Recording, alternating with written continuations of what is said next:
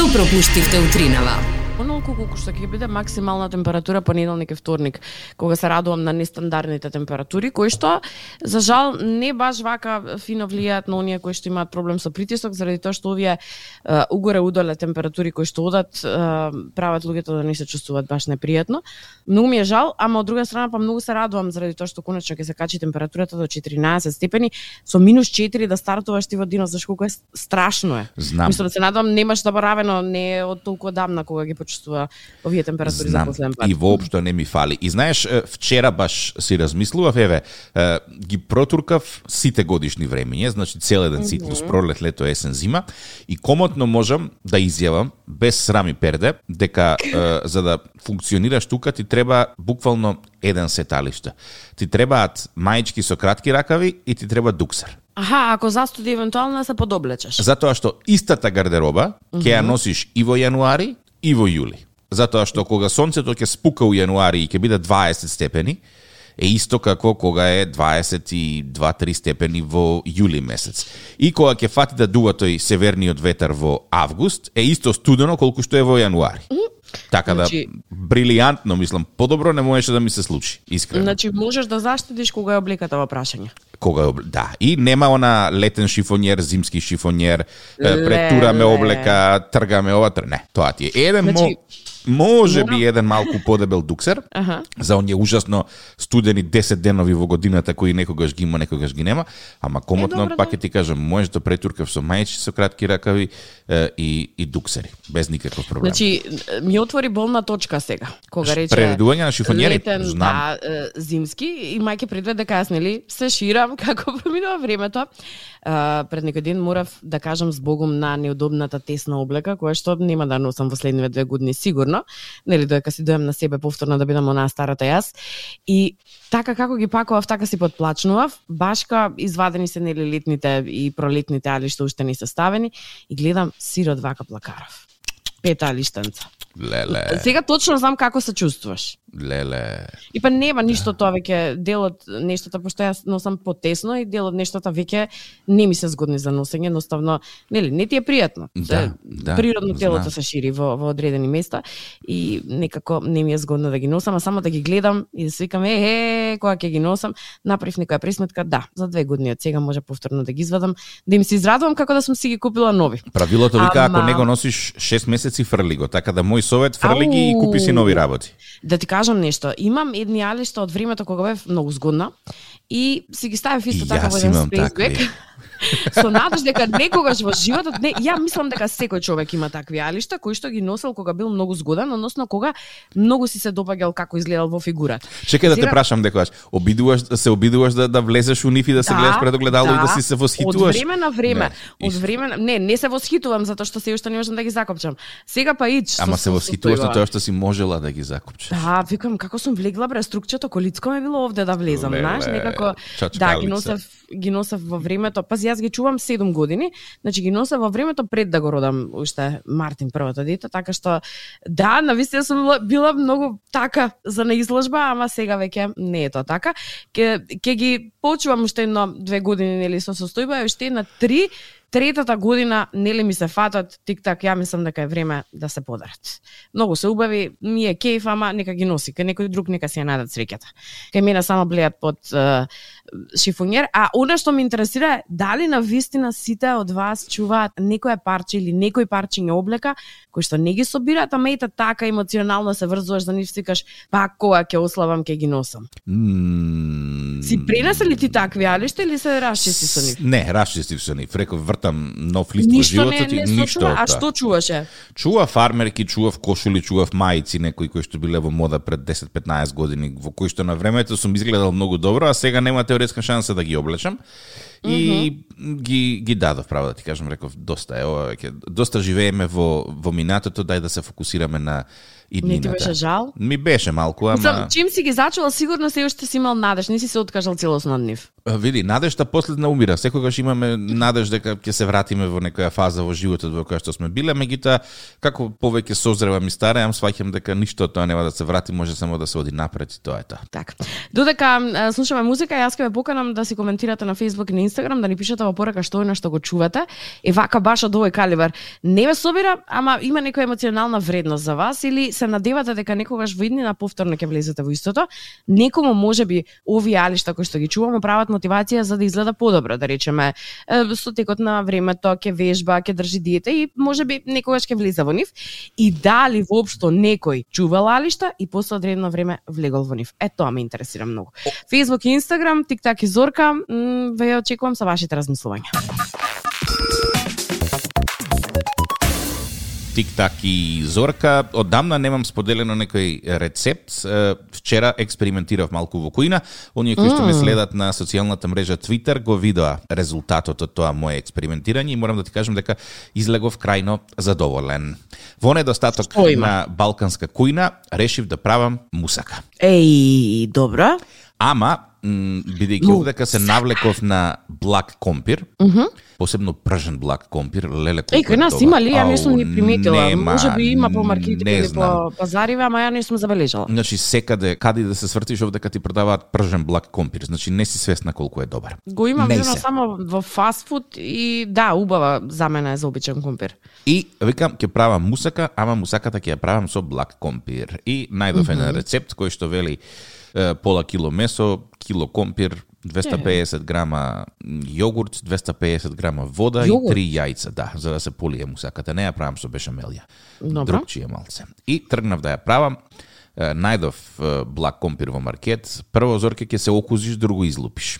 Да, тие се малку помали. Не, не се помали. Долги се и извиткани се и криви се и не можеш со на ножето да ги лупиш како што Јас треба. Јас имам видено као помалечки, да, во чудни форми се. И лупи, лупи, душа ми излезе, други излупиш прво, ајде.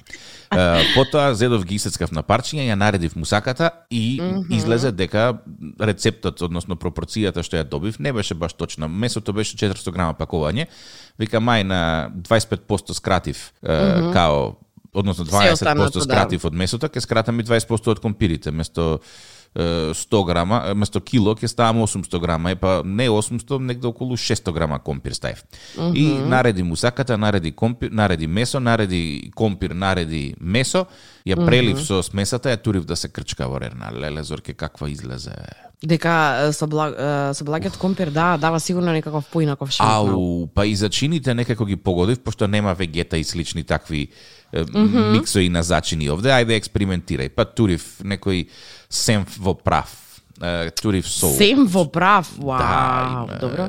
турив бибер, турив некои зачини за говецко. Леле, леле, како ја направив и на крај малку макдоналдс че од озгоре. Абе, mm, прсти mm, да излежеш. Значи, јас сум невиден од uh, мојата uh, кулинарска способност here, uh, here тука. И тргна веднаш да раздавам по комши, затоа што нели кој цел плех која тик-так готви, готви за цела војска. Така, така е да. рецептот, нема сега да го делам за еден. И на сите на ком, у комши им исеков, им исеков по едно парченце малец кој им го носам, леле падна у несвест. И сега ми мотивираат да почнам да да готвам бре ресторан сакаат балкански. Сакаш секој ден да им принесуваш по нешто од, од... Знаеш што ти фали? Следно да им направиш графче тавче, да попаѓаат во несвес. А, мислам дека графче тавче со црните пинто графчиња не може да се споредува. А турли тава? Уф, не сум љубител на тоа. Види, на, на тема на... турли тава и на mm -hmm. тема е, овоше и зеленчук тука, секогаш слушаме во Македонија коментари леле, ама патлиџанот го нема истиот вкус. Ама краставицата го нема истиот вкус. Ама пиперката го нема истиот вкус. И рака на срце да бидеме реални, тоа е точно.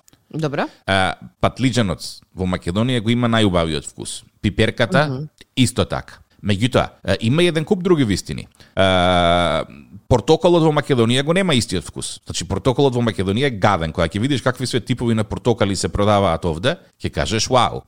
Uh, mm -hmm. Да бидеме искрени и малините во Македонија го немаат истиот вкус. Кога ќе ги видиш малините овде, ќе сватиш дека малините во Македонија се никакви. Така да, тоа е, ништо нема ист вкус секаде, си го романтизираме за тоа што сакаме да јадеме патлиџан и, и пиперка во земја во која што патлиџан и пиперка не успева.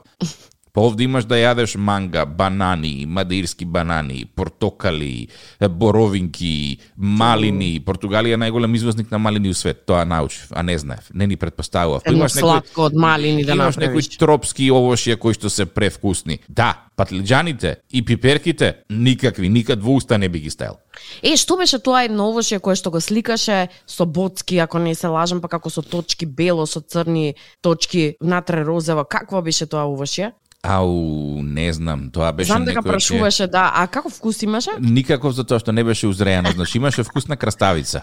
А Ау. инаку според е, фидбекот што го добив на социјалните мрежи треба да има вкус на киви. А имаше вкус на крставица. Значи буквално краставица и тоа малку со сол краставица како да да беше. Така да, а беше овошје. беше ово што си го изедов, мислам, скап, ска, не узреано, ама си го си го изедов. Си го платил ке го јадеш за тоа? Да, мислам дека се викаше драгон фрут. Драгон фрут. Да. Да, може да изгуглате да видите какво е. Мене беше многу интересно заради тоа што имаше дискусија какво е ова овошје и дали никогаш сте виделе кај нас. Мислам дека кај нас воопшто го нема. Иако може и да грешам, нели? На, на право место. Леле, Драгон Бол ми излезе. Го Драгон немам видено, дра, драгон фрут, да, го, го немам видено во Македонија. Да, иначе изгледа многу интересно. А, кората му е розева, а внатре е целото бело со црни точки. Точките се јадат, не се семки, нели? Или се јадат. се Да, значи може да биде внатре бело, а може да биде и внатре црвено, односно розево, исто како и надворешниот дел. Тоа се два различни типа, нема врска со вкусот. Меѓутоа кога е зрело, ја има консистентноста и вкусот на кивито, а кога е незрело, има вкус на солена краставица. И тоа на Многу но- добра солена краставица, така да е за оние кои што се во диаспората патат по по македонската краставица, драгон фрут во незрела состојба е како за солена краставица. Солидно Инаку- добра краставица. не знам дали знаеш многу корисно овошјенце, а, велитропско овошјенце кое што е богат извор на витаминот С и секако му помага на имуниот систем и, и здравието да се јаде во одредена количина, нека да се вика и питаја, а најчесто се користи како драгон фрут. Оно што е многу интересно е дека е, е самиот изглед и боите се многу нетипични.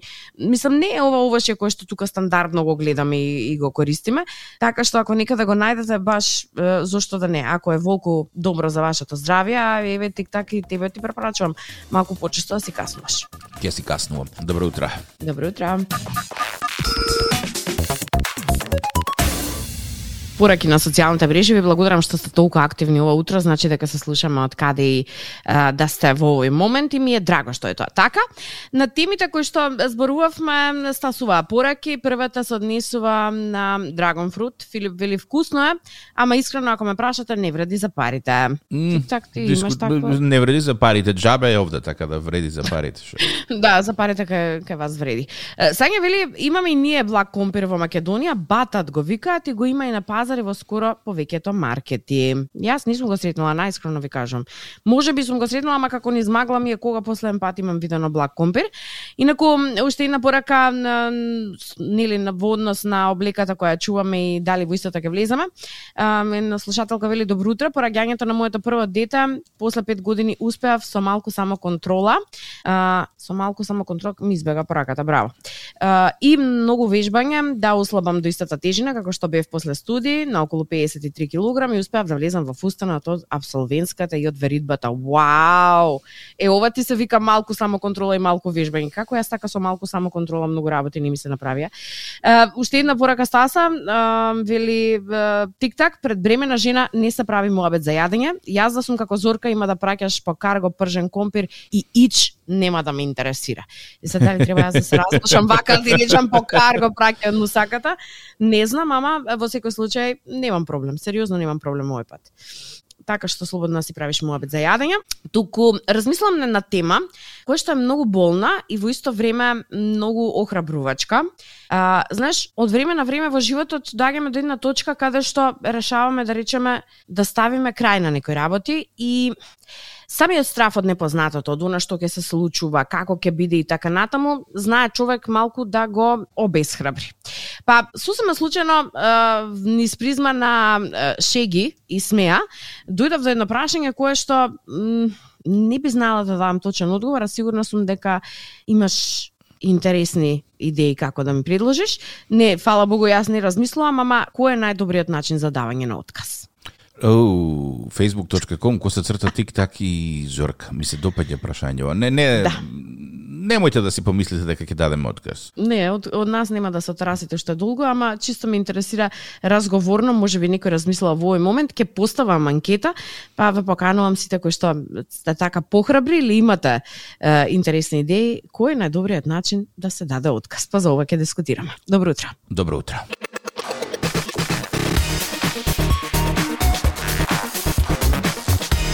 Добро утро, веќе ви поставивме Ето, на тоа беше социјал- добар вовет како да се даде отказ. Знаеш што? Менеджменту, песниве на радио да, се се пократки и пократки. Од мене се бара да работам и да зборувам се повеќе и повеќе. Вака работата не оди. Мораме да тргнеме секој на своја страна или да најдеш некои подолги песни.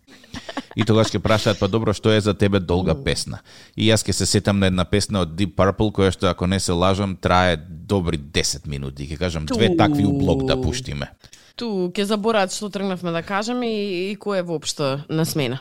А, има многу начини како да се даде отказ. Еве гледам дека веќе на Инстаграм, тоест на Facebook се извинувам, и сте напишале, машала, има дури и е, Мики вели да го натепаш директорот, ама зошто да го натепам директорот? Си даваш отказ, мислам дека поголем кјотек како тоа еден директор да загуби вреден работник не постои. не е како кјотек како таков, ама мислам на вистина многу многу повеќе боли од било што друго. А, кога се работи за отказ во животот, да, сум сум давала неколку пати откази и права ти кажам, кога си сигурен во одлуката, леснотијата со која што го правиш следниот чекор е, е прекрасна. Излегуваш како ранец да симнуваш во канцеларијата од, себе и кажеш, мене ова не ми одговара, на пример, условите не ми одговараат или работата е премногу стресна или ова не е тоа што се договоривме и така натаму и така натаму, нели секогаш имаш добра причина зошто тоа го правиш или едноставно си најдов подо- подобро работно место, ви благодарам на шансата. И едно од нештото кое што секогаш сум се трудела да биде а, како таква и била како Мгм. таква, тоа е искреност, а, fair play, значи останување фер и коректни до крај, и се разбира посакување на многу успех понатаму и без разлика што нели во таа фирма јас повеќе не би работела. Не знам, моите искуства околу давање отказ не се кузна кокави, ама сакам да ти кажам дека до сега не сум излегла од таа врата без е, да се поздравам пријателски и да посакам среќа понатаму во работењето. Значи си останала во добри односи со Па да, сите. па, па пф, генерално да. Кога се работи на конфликт, Значи, види, има два начини како да даеш отказ. Најчесто размислуваш, размислуваш и доаѓаш до една позиција каде што си викаш, окей, јас повеќе овде не се гледам и може би е време да го променам работното место и гледиштата и е, начинот преку кој добивам финансии. Од друга страна, има многу луѓе кои што ги знам, кои што ќе се изнервираат во даден момент, па ќе дадам отказ. Чека малку, сто полека, тоа ти е избрзан, е, избрзана одлука која што утре заутре може да те чини многу. Во случаевите кога сум давала отказ, секогаш сум размислувала однапред, значи како да се каже да биде тоа безболно, како да се заблагодарам на шансата која што ми била дадена да се покажам на тоа работно место или да работам, зошто заминувам, нели никој не заминува добро, заминуваш заради подобри финанси, подобро работно место, подобра шанса. Не знам, едноставно не се гледаш, не се пронаѓаш себе си на тоа одредено место и на крајот на криштата нема потреба да се разделиме со е, кавги, пцовки, мислам стварно нема потреба. Во ред, ви благодарам на шансата, до сегашната шанса, да. да. И јас веќе не се гледам овде и така натаму, нема кој што да ти каже, не се гледам овде, шо? Со сила нема да доаѓам на работа, кој работи? Мислам никој не работи за љубов, сите работиме за пари, ама ако не се гледам таму на одреденото место, нема зошто да се скараме. Едноставно кажувате, јас овде повеќе не се гледам. Освен Освен, имате ако имате нерасчистени сметки со шефот, со директорот или со оној на кој што му давате отказ, е тогаш да, може да се случи куршлус, па да излезете нервозни и, и изнервирани од тоа место, ама јас сепак сум за fair play. Онака мислам дека најголемата казна за еден а, директор е ако го изгуби вработениот на кој што толку многу се надавал, односно толку многу работа што завршил. Така што генерално тоа е тоа. М. О, мислев ти ќе кажеш сега за отказ. не, пауза, извини. А, Ова е Радио 2. добро, пауза, добро утро. Се смешкаш така под мустаки. Нешто друго читав, ама сега не, не е време за тоа. А, читам и низ вашите коментари кои што се доста креативни. Добро. И знаеш што тик-так една работа е, многу интересна ми се вида. Има неколку пораки кои што го содржат истото. Вели, како да дадеш отказ, викаш од утре не доаѓам. Е, проблем. Имаме мал проблем околу тоа е, колку ги знаеме нашите права и обврски. Генерално една работа која што забораваме е дека мора да се провери договорот за работа, за вработување. Колку дена отказан рок Имаш. треба да да имате, да, односно за некои фирми тоа е 30 дена, за некои фирми тоа е 14 дена, што значи дека ако му кажеш на некој шеф или на на директорот дека јас од утре не доаѓам, а треба да имаш еден месец отказан рок, истите тие имаат право, мислам, дека да не те платат за оно што си го работел. Да, потоа ќе се шират муабати да. газдата не ја даде последната плата. Нема да ја даде заради тоа што ја ставаш фирмата е, во неугледна позиција, во смисла на прави штета на работното место и многу е нормално дека после тоа не можеш да очекуваш на доместок за она што си го сработил. Е, да, има креативни исто така муабетот типот на со музика. Е, му кажуваш на шефот се во очи, ама без сведоци. Чекај малце. Која е Дали поентата? стварно не прво која е поентата ако му кажеш се што мислиш ама да нема сведоци мислам нема сатисфакција во тоа под број 1 а под број 2 жалосно ако чекаш до последниот ден додека се разделите да не кажеш она што стварно имаш да го кажеш особено ако си квалитетен работник ако имаш забелешка околу неговото шефување или начинот на кој се однесува со тебе мислам дека тоа треба да се разреши уште многу поодамна а не во моментот кога си даваш отказ која е поентата Да, да, да, да. Имаше е, уште една порака која што вели, е, имаше ситуација каде што е, еден дечко ја оставил кулата на шарпланина, па таму му савил на шефот дека е, си дава отказ. Ама зошто тие работи? И, и да се ова направи може штета. да да и ова може да резултира со со истиот муабетот типот на да бидеш неплатен или да си ја платиш со последниот месец работење штетата која што ќе ја нанесеш на фирмата и така натаму. И после тоа се завиткувате во еден лавиринт на правни односи со поранишната фирма, кој што сигурно убаво нема да изгледа кога ќе нели отидете во нова фирма заради тоа што тоа си стои Да, на вашето име. Не на вашата сметка. така што бидете креативни, мислам можете слободно да бидете креативни кога давате отказ во смисла на тоа. Да со музика зашто да не ќе ги соберам сите колеги би сакала последен пат да се изжуркаме нели со оглед на тоа што си одам или така натаму, меѓутоа не по секоја цена и не да си направите штета на вас самите. Така што постојат многу интересни начини. Не знам дали си видел има на Инстаграм една фирмичка која што изработува подарочиња за типот си одам Не. на англиски се I quit и обично нели следи моментот да ја отвориш панделката и кога ќе отвориш панделката кутијата се целата нели паѓа и има едно човече кое што вржи, држи надпис си одам, односно I quit. Така што да, тоа е многу интересен и симпатичен начин. Јас тоа би го искористила да речеме некогаш во животот ако би сакала да дадам отказ, меѓутоа не со намера и со цел да го навредите а, работодавецот кој што ви давал да речеме можност да работите нели изминатиот период. Се разбира, јас не верувам дека секогаш ние сме кривите кои што даваме отказ, едноставно никогаш не се согласувате со политиките на едината фирма, ама не заборавајте дека светот е мал, Македонија уште помала и сите со сите се знаат. Така што можеби понекогаш вашето дело многу лесно може да стаса до увцето на вашиот следен работодавач, па наместо да да се одмаздите во наводници за тоа што не ве третирале добро, да останете и без следното вработување. Бидете многу внимателни кога во ова во прашање. Јас имам една теорија која гласи никогаш немој да го затвараш стариот бунар. Мм, да, да, да, да, да, тоа е многу добра а, теорија заради тоа што не знаете кога пак би можела да ви потреба. А има и друга теорија каде што кажуваат дека ако работодавецот е свесен дека вие сте многу добар работник, нема да ви дозволи да заминете.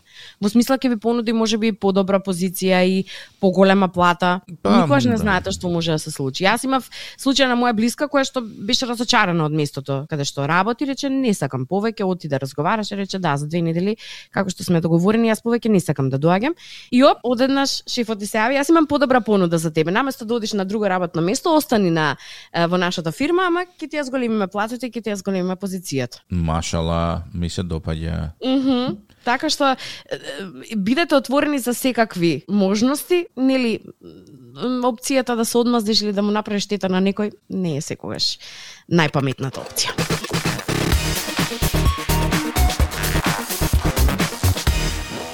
Тик-так и Зорка, добро утро. Месецов Добро го истуркавме. утро. Како што сите убави работи доаѓаат при крај, месецов завршува, почнува новиот месец, а со новиот месец започнуваат и нови приказни.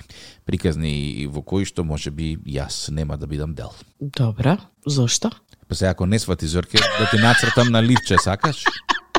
Да ми нацртиш две опции во моментов, едната ќе изгубам сигурно, чим не сватив. Да. Да. Да, мислам дека треба да си тука, а со оглед на тоа што сакам да си тука, можам да ти понудам да имаме подолги песни. За Може. од овие што не ти се допаѓаат. Прифатено, еве ќе го произнесеме тој предлог до менаџментот и доколку менаџментот прифати, ние повторно сме сите заедно тука. Договорено е. Гледаш договор кој ќе гради. Многу лесно. Одговорен уредник Зоран Мирчевски, автори и водители Тик-так и Зорка, техничка реализација Мислам дека? Владо Базаровски, да. Продукција Македонско радио, Радио 2, м, 31 јануари 2024. Има љубав ден до следната прилика. Се слушаме, чао! На Радио 2, секој работен ден од 7.30. Будење со Тик-так и Зорка. Во случај на неконтролирано смеење и симптоми на позитивно расположение, консултирайте се со вашиот лекар или фармацевт.